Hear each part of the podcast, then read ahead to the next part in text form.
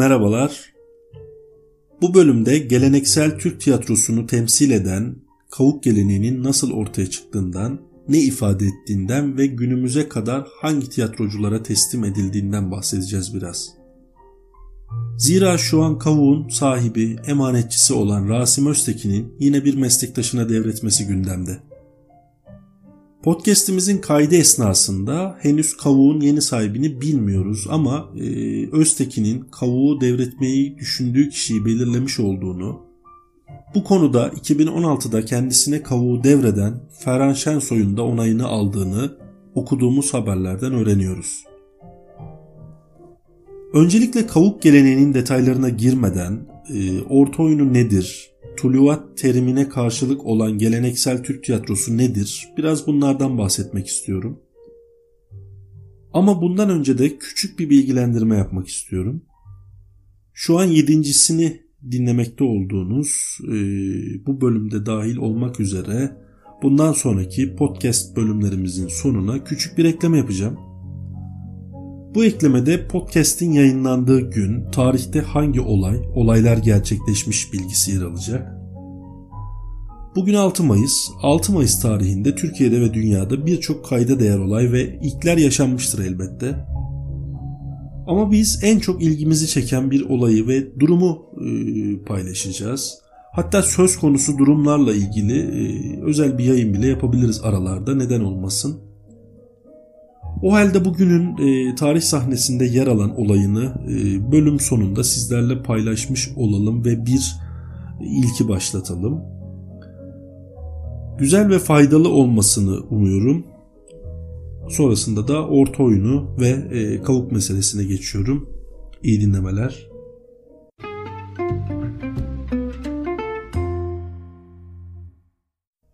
Orta oyunu doğaçlamaya dayalı metinsiz bir oyundur. Ustadan çırağa intikal ederek gelen konular tekrarlanır.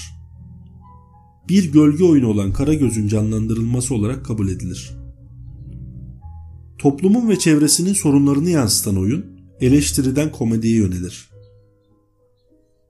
Tuluat tiyatrosu olay örgüsü bilinmekle birlikte bir metne dayanmayan ve doğaçlama olarak oynanan bir sahne sanatı. Tuluat tiyatrosu geleneksel orta oyununun sahnelerde sergilenmesi ve batılı anlamdaki tiyatro ile karışmasından meydana gelen bir tiyatro dalıdır. Yani aslında geleneksel Türk tiyatrosu dediğimizde belli metinlere dayanmayan usta çırak ilişkisini anlıyoruz. Orta oyunun ilk defa ne zaman ortaya çıktığı konusunda ise farklı görüşler ileri sürülür. Bazı araştırmacılar orta oyunu adının ilk e, ortaya çıkış tarihini saptamaya çalışmış ve 19. E, yüzyılın ikinci yarısında ortaya çıktığını ileri sürmüşlerdir. Bazı bilim insanları ise Osmanlı toplumunda çok daha eskilere dayandığını savunur. Kim araştırmacılara göre antik Yunan'a kadar gittiğini savunan görüşler de mevcuttur. Oo, haydi halk! Sözü canları bağışlar. Bizim cananımız vardır var. Yüzü hurşide benzer. Mehitabanımız vardır var. Her hali latif tavırları zarif, sohbeti tatlı. Hoş geldin maymun suratlı. Ah aman efendim, bir yari vefa şiarım olsa, geliver. Kavuk, Türk tiyatrosunun güldürü nişanesidir. Geleneksel Türk tiyatrosunu temsil eden ve günümüze kadar gelmiş olan kavuk geleneğinin ortaya çıkmasını sağlayan Kel Hasan Efendi'dir. Kel Hasan Efendi'den sonra İsmail Dümbüllü'ye geçen kavuğun hikayesi ve yolculuğu şöyle. 1874 tarihinde doğan Kel Hasan Efendi fakir bir ailenin çocuğu olarak Kadıköy'de aslında bir yoğurtçudur. Fakat gönlünde tiyatro oyunculuğu ve komedyenlik yatar. Başındaki kavuğuyla sahneye çıkan Kel Hasan Efendi İbiş karakterini canlandırır. Ve zamanla bir tiyatro ustasına dönüşür. Başındaki kavuk ise zamanla bir geleneğe dönüşür. Kelasan kendisinin yetiştirdiği aynı zamanda geleneksel Türk tiyatrosunun son temsilcisi olan öğrencisi İsmail Dümbüllü'ye kavuğunu verir. Böylece bir akım başlar ve Dümbüllü kavuğu ortaya çıkar.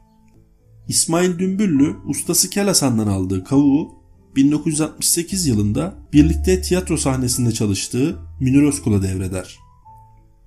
1989 yılına kadar Kavuk Münir Özkul'da kalır. 21 yıl boyunca Kavuk'u muhafaza eder.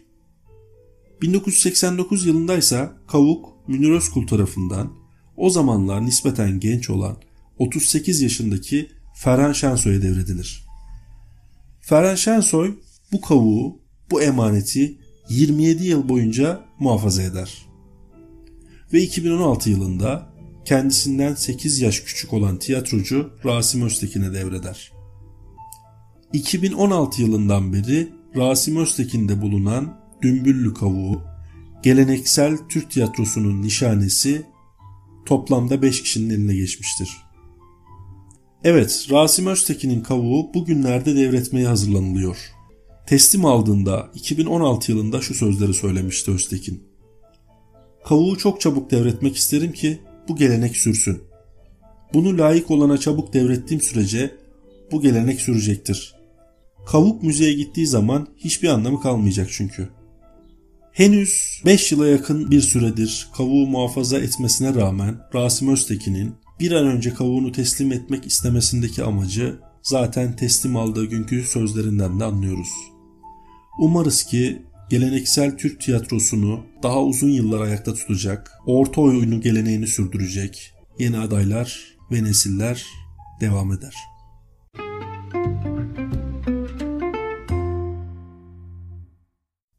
Tarihte bugün 1968'li yıllarda yükselen gençlik hareketinin sonucu 12 Mart 1971'de Muhtıra ile gelen askeri darbe ile 3 fidan Deniz Gezmiş, Yusuf Aslan ve Hüseyin İnan 6 Mayıs 1972'de Ankara Ulucanlar cezaevinde asıldı.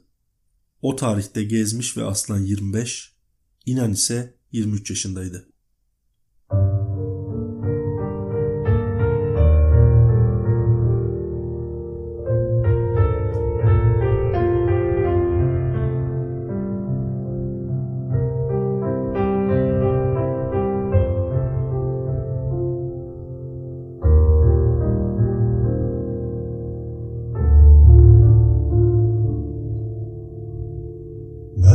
bahar Çok değiştin de anne Yüreğim durup durup rüzgarlanıyor Ben bu bahar bir tiryaki gibi aydınla geçtim.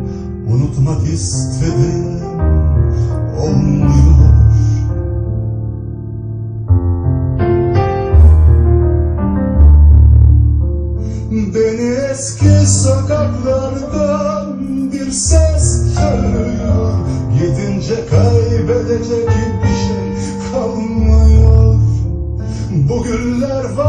ya bu güller bu bahar akşamında. Ben